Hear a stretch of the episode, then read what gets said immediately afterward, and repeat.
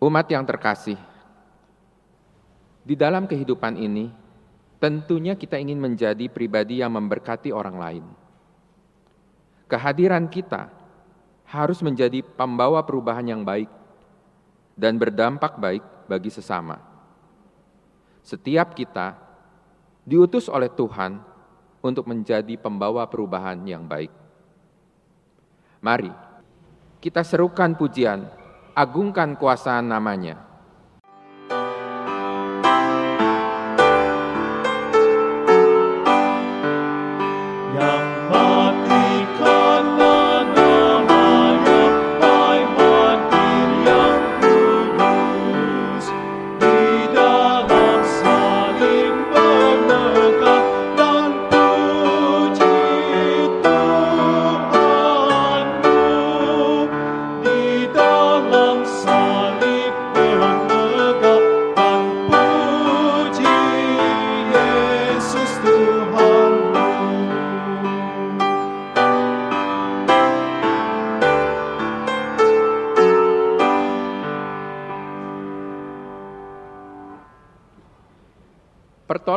Kita adalah di dalam nama Tuhan yang menciptakan langit dan bumi, yang kasih setianya kekal untuk selama-lamanya.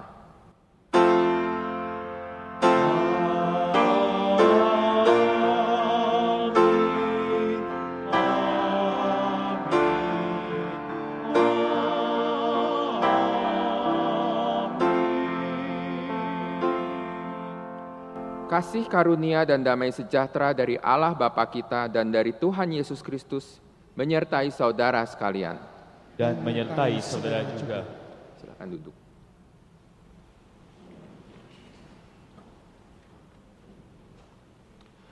Umat yang terkasih, perubahan adalah bukti adanya kehidupan. Seperti pohon yang bertumbuh dan berbuah, pribadi yang bertumbuh adalah pribadi yang berbuah. Perubahan memang tidak mudah, namun nyata adanya dan selalu terjadi. Kita masing-masing diberi pilihan untuk mengubah kehidupan kita menjadi lebih baik, seperti tidak mementingkan diri sendiri, mau menjadi pendengar yang baik, dan seterusnya. Melalui tema ibadah, kuasa Kristus membawa perubahan.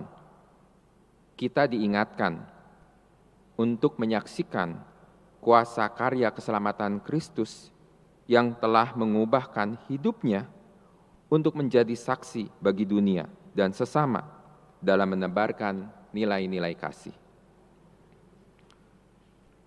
Umat yang terkasih, marilah kita menaikkan doa pengakuan dosa. Ya Tuhan, ampunilah kami bila mana kami masih hidup dalam kehidupan manusia lama dan belum berupaya untuk memperbaiki diri kami. Terkadang kami melukai hati sesama kami, termasuk keluarga kami. Tuntun kami ya Tuhan agar perilaku hidup kami dapat memuliakan-Mu dan menjadi berkat bagi sesama. Di dalam nama Tuhan Yesus Kristus kami berdoa. Amin. Kami undang umat untuk bangkit berdiri. Bagi kita yang telah mengakui dan diampuni dosa-dosa dan pelanggarannya, dengarkanlah berita anugerah dari Roma 12 ayat 2 demikian. Janganlah kamu menjadi serupa dengan dunia ini, tetapi berubahlah oleh pembaharuan budimu, sehingga kamu dapat membedakan manakah kehendak Allah, apa yang baik, yang berkenan kepada Allah, dan yang sempurna. Demikian berita anugerah dari Tuhan. Di dalam Kristus engkau telah diampuni. Damai Kristus bagimu. Karena Allah telah mengampuni kita melalui pengorbanan putranya, marilah kita juga berdamai dengan sesama kita. Salam damai bagi kita semua. Mari kita berdoa. Allah yang kami kenal di dalam nama Tuhan Yesus Kristus, Juru Selamat kami yang hidup, tak henti-hentinya kami mengucapkan syukur setiap hari untuk kebaikan Tuhan yang tidak bisa kami hitung. Kami bersyukur untuk kebaikan-Mu yang pada saat ini memimpin memandu kami untuk hadir di dalam kebaktian hari Minggu. Juga bersama dengan umatmu di berbagai tempat yang terhubung dengan jaringan internet secara online. Kami yakin dan percaya bahwa Engkau hadir di dalam Roh Kudus mempersatukan kami agar kami dapat merasakan hadirat-Mu. Dan sehingga di dalam kesatuan kami ini kami bisa menyambut kebenaran firman-Mu. Kami memohon hikmat darimu ya Tuhan agar kami memahami dan mengerti apa yang menjadi maksudmu bagi kami saat kami membaca dan mendengarkan firman-Mu. Inilah kami anak-anak-Mu Tuhan. Kami menyediakan hati dan pikiran kami dan diri kami sendiri untuk menyambut sabdamu. Di dalam nama Tuhan Yesus Kristus, Juru Selamat kami yang hidup, kami berdoa. Amin. Bacaan Alkitab diambil dari Galatia 3 ayat 23 sampai 29. Sebelum iman itu datang, kita berada di bawah pengawalan hukum Taurat dan dikurung sampai iman itu telah dinyatakan. Jadi hukum Taurat adalah penuntun bagi kita sampai Kristus datang supaya kita dibenarkan karena iman. Sekarang iman itu telah datang. Karena itu kita tidak berada lagi di bawah pengawasan penuntun. Sebab kamu semua adalah anak-anak Allah karena iman di dalam Yesus Kristus. Karena kamu semua yang dibaptis dalam Kristus telah mengenakan Kristus. Dalam hal ini, tidak ada orang Yahudi atau orang Yunani, tidak ada hamba atau orang merdeka, tidak ada laki-laki atau perempuan, karena kamu semua adalah satu di dalam Kristus Yesus. Dan jikalau kamu adalah milik Kristus, maka kamu juga adalah keturunan Abraham dan berhak menerima janji Allah. Demikianlah Injil Tuhan Yesus Kristus. Berbahagialah mereka yang mendengarkan firman Allah dan yang memeliharanya. Haleluya.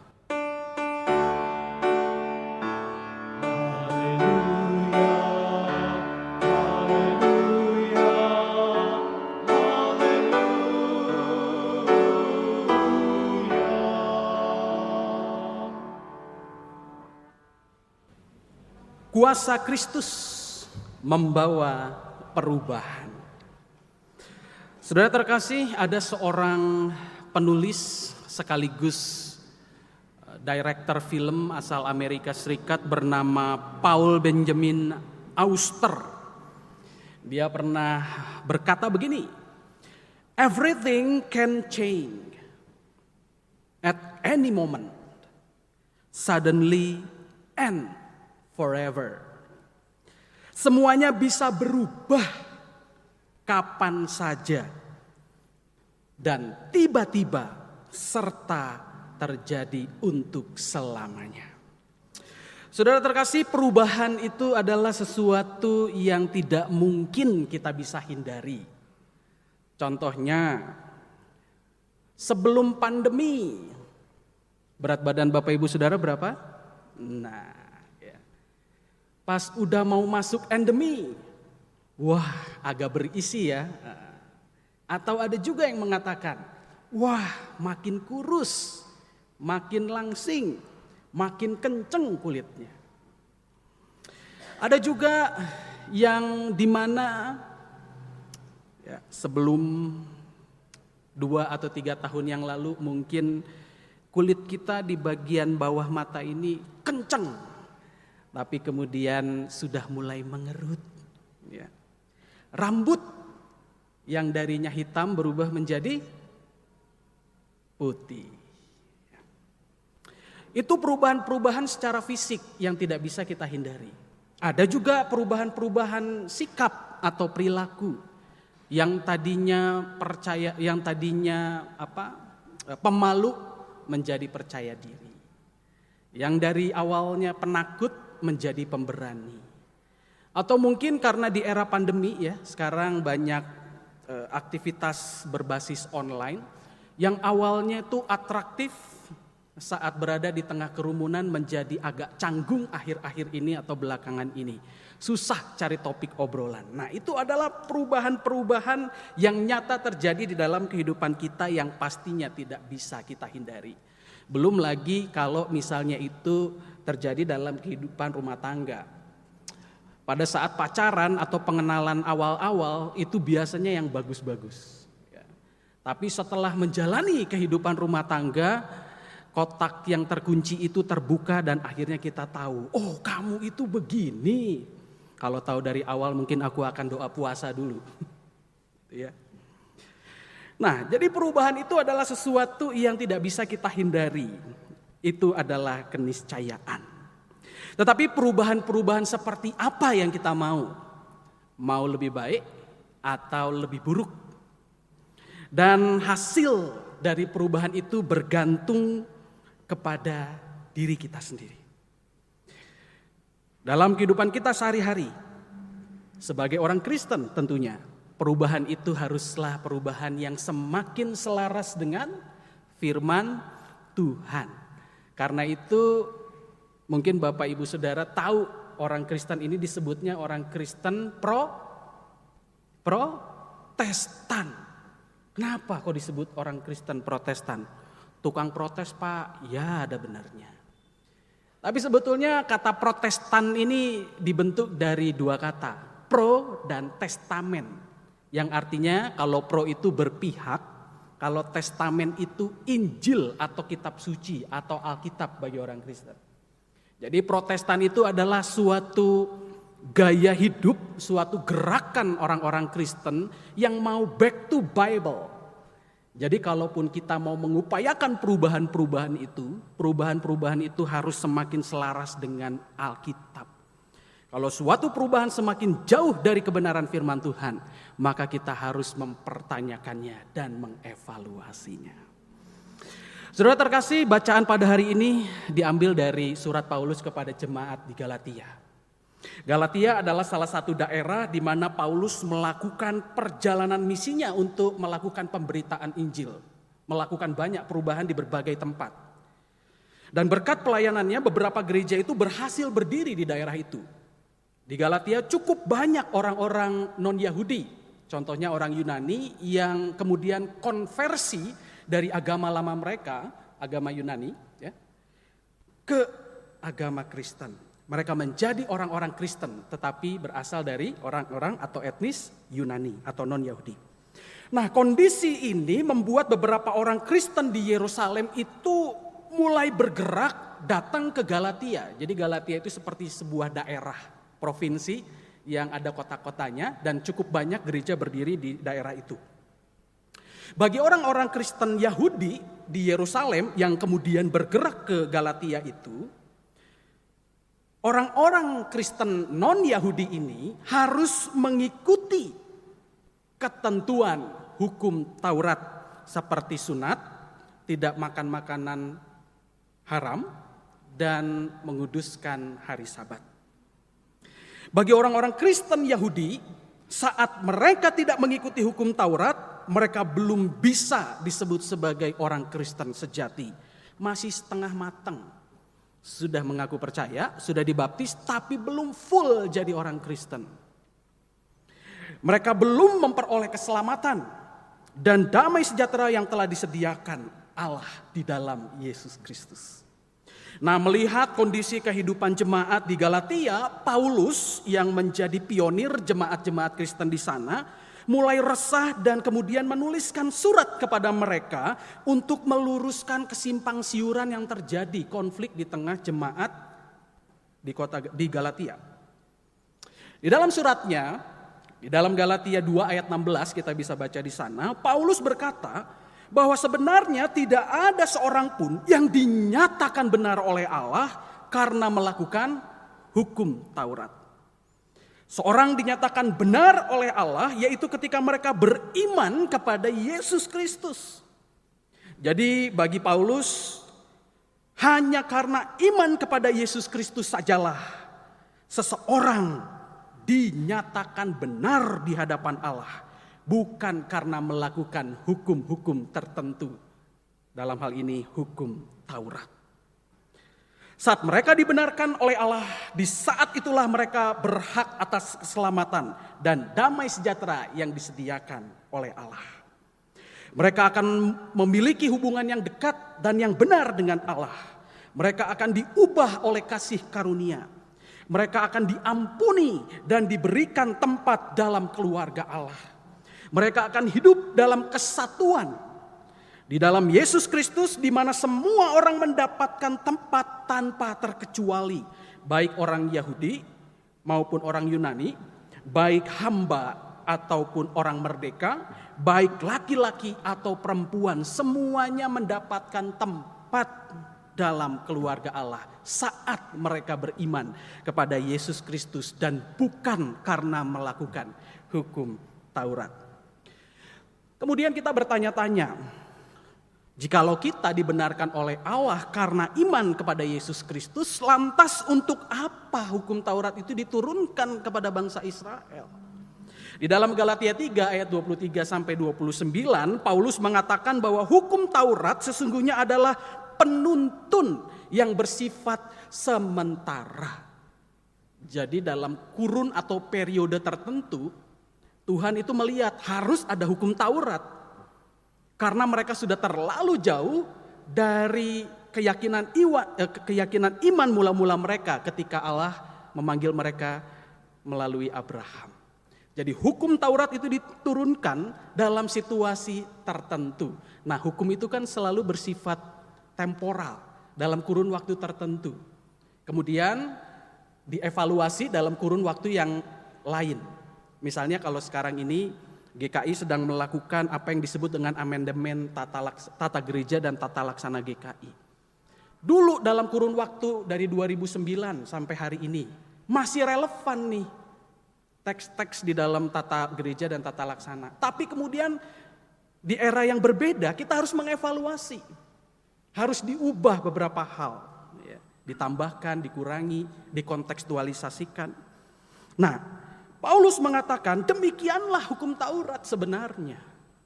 Hanya menjadi penuntun sampai yang pamungkas itu datang. Siapa? Yesus Kristus. Dia penuntun sejatinya. Dia yang puncak. Jadi hukum Taurat itu pengantar sampai yang penuntun puncaknya itu datang. Jadi kalau penuntun puncaknya itu datang, maka hukum yang tertulis itu sudah selesai. Dan Paulus mengatakan, hukum Taurat itu telah mencapai puncaknya ketika Yesus Kristus hadir di dunia. Saat Yesus Kristus hadir, seseorang tidak lagi dipandang benar oleh Allah karena mereka melakukan hukum Taurat, melainkan karena iman mereka kepada Yesus Kristus. Mereka dipandang benar oleh Allah karena iman mereka. Inilah juga yang dialami oleh Abraham, kalau Bapak Ibu Saudara membaca kejadian. Sebagaimana Abraham yang dipandang benar oleh Allah karena iman. Kan di dalam Alkitab begitu ya. Abraham ini dipandang benar di mata Allah karena ia beriman.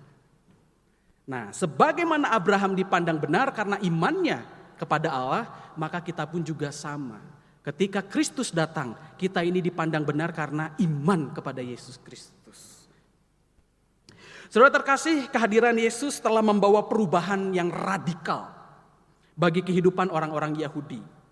Mereka yang semula memandang keselamatan hanya tersedia bagi orang-orang Yahudi saja, mereka yang memandang bahwa keselamatan hanya tersedia bagi mereka yang memiliki hukum Taurat dan yang mentaatinya, setelah Kristus hadir diubah ke pemahaman yang benar. Bahwa keselamatan itu tersedia bagi semua orang, bukan hanya bagi orang-orang Yahudi saja. Semua orang tanpa terkecuali dapat menerima keselamatan itu, yaitu melalui iman percaya mereka kepada Tuhan Yesus Kristus, sekalipun mereka tidak memiliki atau tidak menjalani hukum Taurat. Saudara terkasih, sebagaimana kehadiran Yesus Kristus telah membawa perubahan yang radikal bagi orang-orang Kristen Yahudi pada saat itu, sudahlah semestinya kita memiliki semangat yang sama seperti Kristus. Kehadiran kita, baik sebagai pribadi maupun gereja, perlu membawa perubahan-perubahan yang radikal. Radikal di sini bukan berarti anarkis ya Bapak Ibu Saudara. Radikal sendiri itu berasal dari kata radix dalam bahasa Latin yang berarti akar. Ya. Masih ingat istilah protestan tadi? Pro-testamen. Akar kita apa? Testamen. Alkitab. Akar kita adalah Alkitab.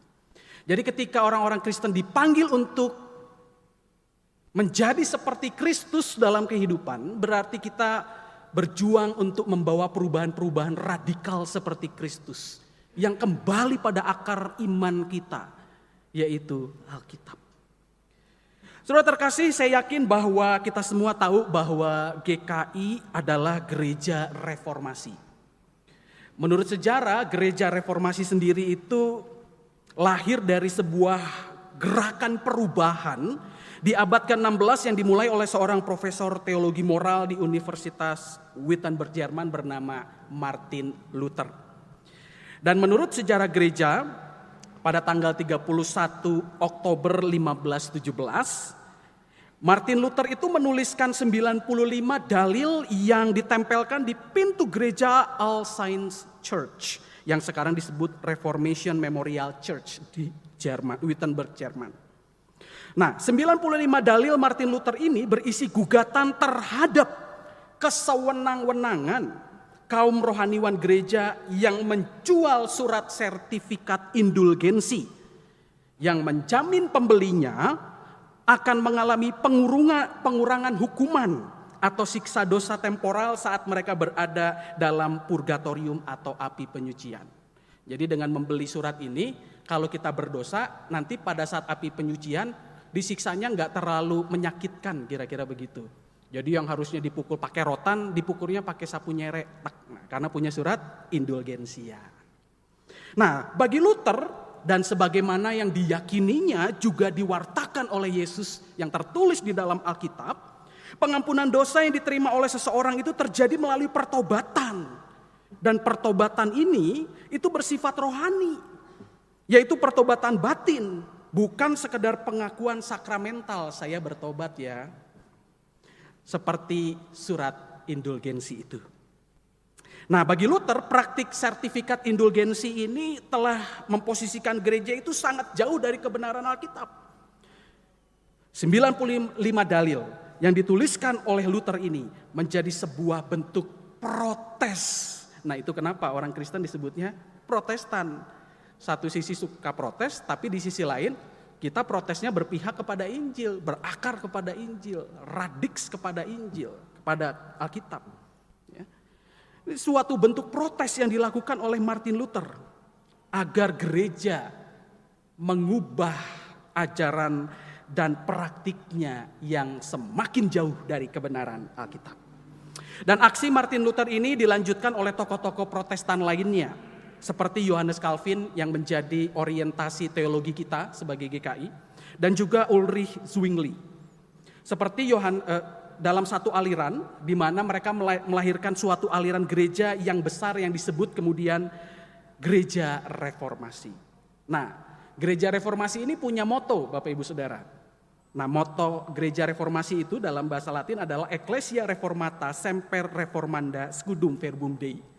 Apa artinya? Artinya adalah gereja yang telah terreformasi harus terus bereformasi sesuai dengan firman Tuhan. Jadi sebetulnya dari sejak lahirnya gereja reformasi, kita itu selalu punya dorongan untuk selalu berubah, selalu berubah. Ya, melihat zaman, kontekstualisasi, adaptasi, berubah lagi. Tapi tetap akarnya adalah Alkitab. Karena memang itulah semangat orang-orang Kristen Protestan, semangat orang-orang gereja reformasi, semangat GKI. Saudaraku seperti yang kita tahu bersama sebelum memakai nama GKI atau Gereja Kristen Indonesia pada tahun 1950, GKI itu dikenal dengan nama Tionghoa Kito Kahwe. THK, TKH. Yaitu gereja berbahasa Hokkien. Dan perubahan nama ini kemudian diubah menjadi GKI, itu menunjukkan kesadaran GKI untuk menjalani misi dan panggilannya secara nasional, tidak lagi terikat pada satu suku tertentu. GKI tidak hanya melakukan pembaruan-pembaruan sebutan namanya dari Tionghoa Kitokahwe menjadi GKI. GKI juga melakukan perubahan-perubahan radikal untuk hal-hal lainnya, liturgi, tata gereja, pembaruan ajaran dan aspek-aspek lainnya. Dan semuanya ini dilakukan dengan semangat back to Bible. Di dalam perjalanan sebagai gereja reformasi sudah banyak perubahan yang dilakukan oleh GKI. Kita pernah mengubah tradisi bahwa yang hanya boleh menjadi pendeta hanya laki-laki. Itu di GKI. Nggak bisa perempuan jadi pendeta, harus laki-laki. Tapi kemudian berjalan proses, oh bisa perempuan jadi pendeta. Ya, kemampuannya juga setara dengan laki-laki. Ya, kredibilitas, persistensnya. Ya, karena Alkitab pun juga mengajarkan tentang kesetaraan. Bisa akhirnya perubahan tradisi. GKI juga pernah mengubah pandangannya tentang penggunaan alat musik misalnya. Nggak boleh drum masuk gereja, nggak boleh gitar listrik masuk gereja, keyboard masuk gereja. Tapi kemudian didalamilah bahwa semua alat musik itu diciptakan karena kreativitas manusia di mana Allah berkarya di dalam Roh Kudus supaya alat musik itu bisa dipakai untuk memuliakan nama Tuhan. Tinggal diatur aja tempo dan volumenya. Maka orang-orang bisa terhubung dengan Allah melalui iringan alat musik. Jadi alat musik, band bisa masuk gereja dulu pernah dilarang di GKI. Nah ini adalah suatu bukti bahwa perubahan-perubahan itu sebetulnya sesuatu yang juga kita lakukan. Dan tentu perubahan itu tidak mengenakan, menggelisahkan. Aduh yang dulu gak kayak begini, jangan diubah. Udah keburu enak, udah keburu mantep, udah yang paling benar. Padahal kalau kita merasa nyaman dengan satu bentuk, dengan satu form, maka kita telah menyalahi hakikat kita sebagai gereja reformasi yang terus terreformasi. Lihat terus, bercermin terus, lihat dunia, kontekstualisasi, lihat Alkitab. Ketika kita cukup dan merasa sudah settle dengan satu bentuk, maka artinya kita tidak mau lagi untuk melihat Alkitab jauh lebih dalam. Perubahan-perubahan di masa kini itu sudah sangat jelas kelihatan Ya. Ibadah-ibadah menjadi bentuknya oh online. Itu yang paling mencolok perubahan-perubahan ibadah. Bentuk peribadahan yang konvensional saat pra-pandemi atau sebelum pandemi, yaitu pertemuan, kini berubah menjadi ibadah online di mana semua orang di berbagai tempat terhubung satu dengan yang lain melalui jaringan internet. Padahal dulu ya Gak bisa ibadah online itu, Tuhan tidak hadir, tidak ada touchingnya. Tapi di masa pandemi akhirnya hal tersebut bisa dipahami dan diterima dengan penjelasan-penjelasan teologis yang referensinya juga ada di dalam Alkitab. Tentu secara tidak langsung karena di zaman Alkitab kan belum ada yang namanya jaringan internet. Tetapi nilai-nilainya tentang ibadah itu sudah ada dalam Alkitab. Di mana di masa kini bentuk ibadah kita menjadi hybrid. Zaman dulu mana ada kita pengen hybrid, udah ibadah di gereja aja. Kalau mau bikin ibadah di tempat yang lain kita dirikan pos kita dirikan bajem. Kalau udah ada online, mungkin bajem dan pos akan mengubah bentuk ibadahnya. Udah, langsung aja ke pusat, langsung aja ke jemaat. Gak usah bikin bajem, gak usah bikin pos. Barangkali ada orang-orang yang berpikir seperti itu, tapi inilah kenyataannya. Di satu sisi kita tetap menekankan perjumpaan dan pertemuan di tempat ibadah, tapi di sisi lain kita membuka ruang bagi mereka di berbagai tempat, di segala usia dan berbagai kondisi kesehatan untuk tetap dapat beribadah secara online. Kemudian teologi kita berkembang. Gak apa-apa kok ibadah online bagi mereka yang kesehatannya kurang baik. Bagi mereka yang kesulitan untuk datang ke gereja karena faktor usia. Ya. Akhirnya kita bisa menerima semua itu. Saudara terkasih, jikalau kehadiran Kristus yang membawa perubahan yang kemudian dihidupi juga oleh GKI sebagai gereja reformasi, gereja yang terus terbuka pada informasi sesuai dengan reformasi sesuai dengan firman Tuhan, sudahlah semestinya kita pun juga membawa semangat perubahan dalam kehidupan kita pribadi. Perubahan di tengah keluarga, perubahan di tengah pergaulan sosial kita, perubahan di tempat kerja, perubahan di masyarakat. Mungkin kita bertanya-tanya sekarang, bagaimana sih contoh konkretnya perubahan yang bisa kita lakukan sekarang ini? Sudah terkasih saat ini saat ini hal yang perlu kita ubah dalam bentuk adalah bentuk penggembalaan kita. Jadi eh, yang lain berubah, ibadah berubah, gaya uh, sosialisasi kita berubah. Nah, satu hal yang mau saya ajak untuk Bapak Ibu Saudara lihat adalah mengubah bentuk penggembalaan kita kepada orang-orang yang berada di posisi bersalah atau berdosa. Ya.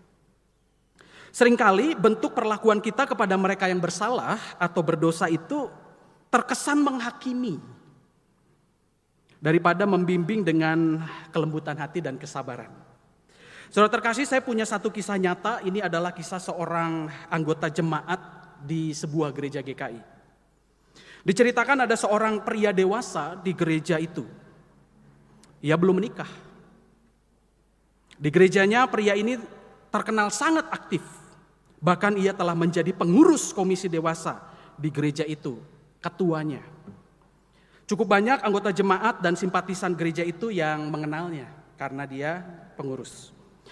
Suatu ketika ia bertemu dengan seorang perempuan. Perempuan ini usianya sepantaran dan saat berkenalan dan mulai dekat dengan perempuan ini, pria ini kemudian jatuh hati dan memutuskan untuk menikah dengannya. Yang menjadi pergumulan berat dari pria ini adalah soal iman percaya dari calon istrinya. Perempuan yang akan dinikahinya itu berbeda iman dengannya. Ia adalah seorang muslim. Pria ini menimbang-nimbang dan akhirnya memutuskan untuk menikahi perempuan ini. Keadaan khusus perempuan ini yang membuatnya tergerak oleh belas kasihan dan kemudian membulatkan tekadnya untuk mendampingi seumur mendampinginya seumur hidupnya sebagai suaminya. Dan ketika berhadapan dengan pihak keluarga perempuan, pria ini mendapati bahwa keluarganya ini menginginkan pernikahan secara islami. Pria ini adalah seorang Kristen, tua komisi dewasa, aktivis gereja, tokoh yang dikenal oleh jemaat. Pria ini percaya kepada Yesus Kristus sebagai Tuhan dan Juru Selamat. Tetapi ia harus mengikuti pernikahan secara islami. Dan seperti yang ia ketahui, jika ia mau menikah secara Islam, maka ia harus mengucapkan syahadat. Bagi pria ini syahadat yang ia ucapkan adalah persoalan formalitas, yaitu asal pernikahan ini resmi aja, itu mah hanya persoalan administrasi.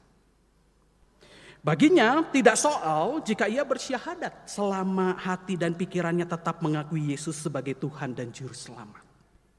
Pilihannya untuk menikah secara islami itu tidak diketahui oleh jemaat tempat ia melayani. Beberapa waktu berlalu, pria ini kemudian membawa istrinya datang ke gereja dan diajaknya untuk melayani dalam kegiatan-kegiatan gerejawi. Istrinya adalah orang yang sangat baik, sangat ramah. Ia bahkan juga mudah akrab dengan anggota jemaat di sana. Melihat kehadiran sang istri dari pria itu, jemaat mulai bertanya-tanya, Apakah benar bahwa pria ini sudah menikah? Kapan menikahnya? Dan jika sudah menikah, mengapa istrinya berkerudung? Apakah ia menikah beda agama? Pertanyaan ini kemudian sampai ke telinga majelis jemaat. Majelis jemaat kemudian membentuk tim pastoral untuk menindaklanjuti pertanyaan-pertanyaan jemaat yang muncul. Ditentukanlah pendeta dan penatua untuk melakukan percakapan pastoral dengan pria itu. Setelah majelis jemaat bertemu dengan pria itu di waktu dan tempat yang disepakati, dimulailah percakapan pastoral. Dalam percakapan itu, para utusan MJ berusaha membangun suasana dan rasa percaya dan nyaman. Para pencakap memilih kata-kata dengan sangat hati-hati untuk digunakan agar pria ini tidak tersinggung dan merasa dihakimi. Sayangnya upaya untuk menjaga suasana ini tidak berlangsung lama. Ada seorang anggota majelis jemaat yang merasa bahwa rekan-rekannya yang lain ini terlalu bertele-tele, muter-muter, memperhalus kalimat. Tidak tegas, tidak to the point. Dan kemudian saat AMJ atau anggota majelis jemaat ini berbicara, seketika suasana percakapan yang hangat berubah berubah menjadi panas dan tegang. Ruang percakapan yang tenang berubah menjadi ruang penghakiman. Anggota majelis jemaat ini mengatakan kira-kira begini. Pak, rekan-rekan saya ini bertanya menggunakan penghalusan-penghalusan. Saya ini biasa lugas to the point, Pak. Pak begini, Bapak ini sudah menikah secara islami dan sudah bersyahadat. Bagi kami, Bapak ini sudah murtad. Bapak harus bertobat. Jika Bapak tidak bertobat, Bapak akan kami gembalakan khusus. Status Bapak sebagai anggota komisi dewasa akan dibekukan selama enam bulan. Kami harus melakukan ini karena Bapak adalah figur di jemaat ini. Apa kata jemaat jika pengurus komisi dewasanya bersyahadat? Nanti jemaat akan ikut-ikutan Bapak. Bapak tidak usah panjang lebar lagi, kalau Bapak benar-benar menyesali perbuatan Bapak dan bertobat, Bapak harus menunjukkannya secara nyata dengan menuliskan surat permohonan pembaruan pengakuan percaya kepada gereja. Mengenai pernikahan, kita nanti bisa bicarakan. Terus terang, apa Bapak nggak khawatir kalau Bapak hari ini tiba-tiba meninggal dalam keadaan murtad? Mumpung masih ada kesempatan hidup, Bapak harus segera bertobat. Jadi ini nggak bisa ditunda-tunda lagi Pak. Itu saja dari saya berhenti bertele-tele. Setelah mendengar perkataan itu, anggota majelis jemaat ini pamit duluan karena ada urusan lain. Jadi habis lempar batu, kabur dia. Setelah percakapan ini selesai, keesokan harinya, alih-alih menulis surat permohonan untuk pembaruan pengakuan percaya, orang yang digembalakan ini malah menulis surat atestasi keluar dari gereja. Dan setelah ditelusuri, pria ini tersinggung karena perkataan anggota majelis jemaat itu. Harusnya anggota majelis jemaat tidak menjadi hakim bagi sesamanya. Ia menyadari bahwa ia salah dan berdosa, bahkan ia sudah menyesalinya. Pria ini merasa bahwa Tuhan itu melihat hati. Sekalipun saya bersyahadat, hati saya ada pada Yesus. Tuhan Yesus tahu itu menurut orang itu. Sudah terkasih sebetulnya perkataan anggota majelis jemaat ini tidak salah. Ada benarnya. Tapi yang ben, tapi apa yang benar itu jika disampaikan dengan cara yang kurang tepat dan tidak memperhatikan situasi kondisi yang terjadi adalah ketersinggungan dan perpecahan. Hal yang tidak dikehendaki oleh Allah. Dalam sebuah konseling pastoral, Sebenarnya setiap konselor harus menjadi penuntun bagi konselinya. Untuk sampai pada kesadaran akan kesalahan dan sampai pada keputusan apa yang terbaik bagi dirinya. Konseling pastoral jalannya lamban. Perlu kehati-hatian dan kesabaran. Setiap orang itu iramanya beda, kecepatannya beda. Ada yang cepat, dikasih tahu sekali, sekalipun dengan kata-kata yang halus dia langsung sadar, tapi ada yang tidak. Jika kita tidak memahami hal ini, maka yang terjadi adalah hal seperti ini. Bukannya terpulihkan, malah semakin tersakiti anggota jemaat itu. Kita malah menambah luka baru kepadanya. Saudara terkasih sebagai pemimpin gereja dan juga kita sebagai pengikut Kristus yang percaya kepada Yesus Kristus, kita tidak memperlakukan orang semena-mena sekalipun mereka bersalah dan berdosa. Yesus saja yang tahu di hadapannya ada perempuan berzina, tidak langsung melemparinya dengan batu. Sekalipun itu adalah hukum yang berlaku pada saat itu. Yesus melihat ada penyesalan di matanya dan akhirnya memberikan pengampunan kepadanya. Yesus itu penuh kasih, kesabaran, dan ketenangan saat menghadapi orang bersalah. Jikalau sang guru agung saja menunjukkan bagaimana ia mengembalakan orang-orang berdosa, bagaimana dengan kita? Kita harus bisa bersikap dengan bijaksana dan penuh hikmat dalam melihat persoalan. Sekalipun orang itu memang terbukti bersalah, terbukti berdosa, misalnya ya kita tidak menghukumnya dengan hukum yang mempermalukan dia dan menghancurkan image-nya. Justru kita harus bisa membawanya kepada pemulihan total. Dia dengan dirinya sendiri, dia dengan jemaat, jemaat dengan dirinya. Pengembalaan yang baik akan memulihkan keadaan orang dan keadaan jemaat, bukan malah memecah belah kesatuan jemaat. Perginya anggota jemaat dari gereja menjadi gambaran bahwa kadangkala niat untuk merangkul sesama dilakukan dengan rangkulan yang hangat gitu ya. Bukan dengan rangkulan yang hangat seperti rangkulan seorang sahabat. Rangkulan yang menggembalakan, menuntun dan mengarahkan dalam kesabaran mereka yang berdosa itu untuk bertobat. Tetapi malah sebaliknya, kita malah merangkul mereka dengan pitingan pegulat. Bapak Ibu Saudara tahu pegulat?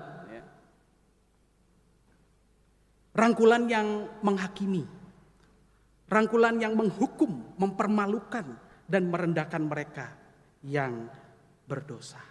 Karena rangkulan pegulat itu kan buat kita sesak napas, buat badan kita sakit.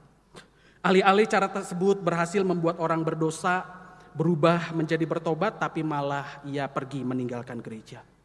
Alih-alih cara tersebut dapat memelihara keutuhan jemaat, yang terjadi malah perpecahan.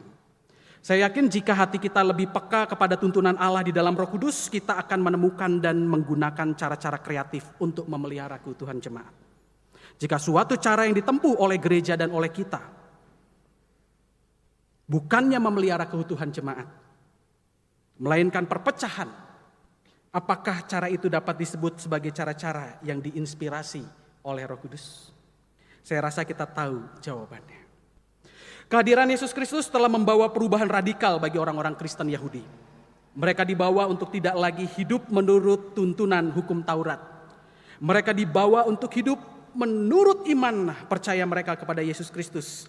Karena hanya melalui iman sajalah seseorang dibenarkan di hadapan Allah. Sebagai orang-orang yang telah dibenarkan, sudahlah semestinya kita memiliki semangat Yesus Kristus, yaitu semangat untuk membawa perubahan-perubahan radikal. Perubahan-perubahan yang semakin mencerminkan firman Tuhan di dalam Alkitab. Marilah kita mulai dengan mengevaluasi diri kita masing-masing. Bagaimanakah kita selama ini memperlakukan sesama kita yang bersalah dan berdosa? Anak-anak kita, istri kita, suami kita. Apakah dengan sikap yang menghakimi atau menghukum mereka? Atau dengan sikap hati yang bersahabat, yang tulus, yang sabar dan murah hati seperti Kristus? Kiranya Tuhan menuntun kita semua untuk dapat membawa perubahan-perubahan di sekitar kita menurut kebenaran firman Tuhan. Tuhan memberkati kita. Amin. Kami undang Bapak Ibu untuk bangkit berdiri. Marilah kita bersama dengan umat Allah di masa lalu, masa kini, dan masa yang akan datang. Kita mengikrarkan pengakuan iman kita seturut dengan pengakuan iman rasuli demikian. Aku percaya kepada Allah, Bapa yang Maha Kuasa, Halik langit dan bumi, dan kepada Yesus Kristus, anaknya yang tunggal Tuhan kita, yang dikandung dari roh kudus, lahir dari anak darah Maria, yang menderita sengsara di bawah pemerintahan Pontius Pilatus, disalibkan, mati dan dikuburkan, turun ke dalam kerajaan maut. Pada hari ketiga, bangkit pula dari antara orang mati, naik ke surga, duduk di sebelah kanan Allah, Bapa yang Maha Kuasa, dan dari sana ia akan datang untuk menghakimi orang yang hidup dan yang mati. Aku percaya kepada Roh Kudus, gereja yang kudus dan am, persekutuan orang kudus, pengampunan dosa, kebangkitan orang mati, dan hidup yang kekal. Amin. Mari kita bersatu di dalam doa syafaat. Allah yang kami kenal di dalam nama Tuhan Yesus Kristus. Engkau mengingatkan sekali lagi agar kami memiliki semangat yang dibawa olehmu. Sang Guru Agung Juru Selamat kami, Tuhan Yesus Kristus. Yaitu semangat untuk berani membawa perubahan radikal. Perubahan yang semakin selaras dengan kebenaran firman Tuhan di dalam Alkitab. Kami mengakui segala kelemahan kami, keluguan kami, kekurangan kami. Sehingga ada kalanya kami salah dalam menafsirkan kebenaran firman Tuhan dan oleh karena itu juga salah dalam menerapkannya dalam kehidupan kami. Tetapi kami percaya bahwa Engkau di dalam Roh Kudus tidak membiarkan kami terlantar. Engkau di dalam Roh Kudus akan mengingatkan kami, membawa kami kembali ke dalam kebenaran Alkitab dan melakukan perubahan-perubahan sebelum semuanya terlambat. Ajarilah kami untuk memulainya dengan berani melakukan perubahan-perubahan di tempat di mana kami hidup. Di dalam gereja, melalui pelayanan, di dalam kehidupan keluarga kami, baik kami sebagai istri maupun suami maupun anak-anak, maupun oma dan opa. Kami percaya Tuhan bahwa Engkau di dalam Roh Kudus akan berbicara di dalam hati dan pikiran kami, supaya kami bisa menyuarakan kebenaran-kebenaran firman Tuhan itu yang membawa pada perubahan yang semakin baik di tengah kehidupan keluarga kami, masyarakat kami, dan gereja kami. Terima kasih untuk penyertaan Tuhan untuk terselenggaranya ibadah ini. Semua ini boleh terselenggara bukan karena kekuatan kami, tetapi semata-mata kasih karunia Tuhan saja. Inilah doa syafaat kami Tuhan yang kami panjatkan hanya di dalam nama Tuhan Yesus Kristus, Juru Selamat kami yang hidup. Amin.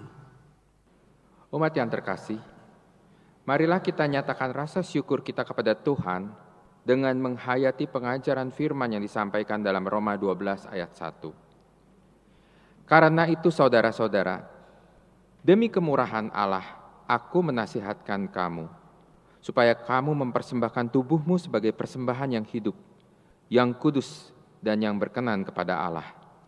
Itu adalah ibadahmu yang sejati.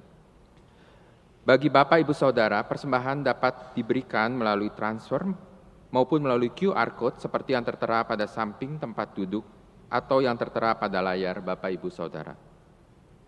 Tuhan Yesus, terima kasih pada pagi hari ini kami boleh memiliki kesempatan sekali lagi untuk boleh menyisihkan sebagian dari berkat yang sudah kami terima selama minggu ini. Kami bersyukur untuk kehidupan yang sudah kami boleh nikmati untuk keluarga, teman, pekerjaan yang boleh kami lalui selama seminggu ini. Sehingga pada hari ini kami boleh bersekutu, berkumpul, mempersembahkan persembahan kami kehadirat Tuhan. Tuhan kami berdoa agar persembahan ini menjadi berkat, dikelola dengan baik oleh majelis jemaat di tempat ini, dan boleh memiliki dampak yang juga semakin luas gereja ini di tengah masyarakat. Kami juga berdoa melalui persembahan ini, kami juga diingatkan bahwa kami memiliki kewajiban untuk mempersembahkan lebih daripada sekedar materi, tetapi kehidupan kami. Mempersembahkan kehidupan kami agar memiliki dampak yang positif bagi orang di sekitar kami. Mau berubah menjadi semakin serupa dengan Yesus. Terima kasih Tuhan untuk firman Tuhan yang boleh kami nikmati pada pagi hari ini. Kami mempersembahkan persembahan ini. Kami berdoa dalam nama Tuhan Yesus Kristus. Amin. Umat yang terkasih, kuasa karya keselamatan Kristus telah mengubah hidup kita dan setiap kita diutus oleh Tuhan untuk menjadi pembawa perubahan. Oleh karena itu, arahkanlah hatimu kepada Tuhan. Kami mengarahkan hati kami kepada Tuhan. Jadilah saksi Kristus. Syukur kepada Allah. Terpujilah Tuhan. Kini dan selamanya. Terimalah berkat Tuhan. Tuhan memberkati engkau dan melindungi engkau. Tuhan menyinari engkau dengan wajahnya dan memberi engkau kasih karunia. Tuhan menghadapkan wajahnya kepadamu dan memberi engkau damai sejahtera. Haleluya. Amin.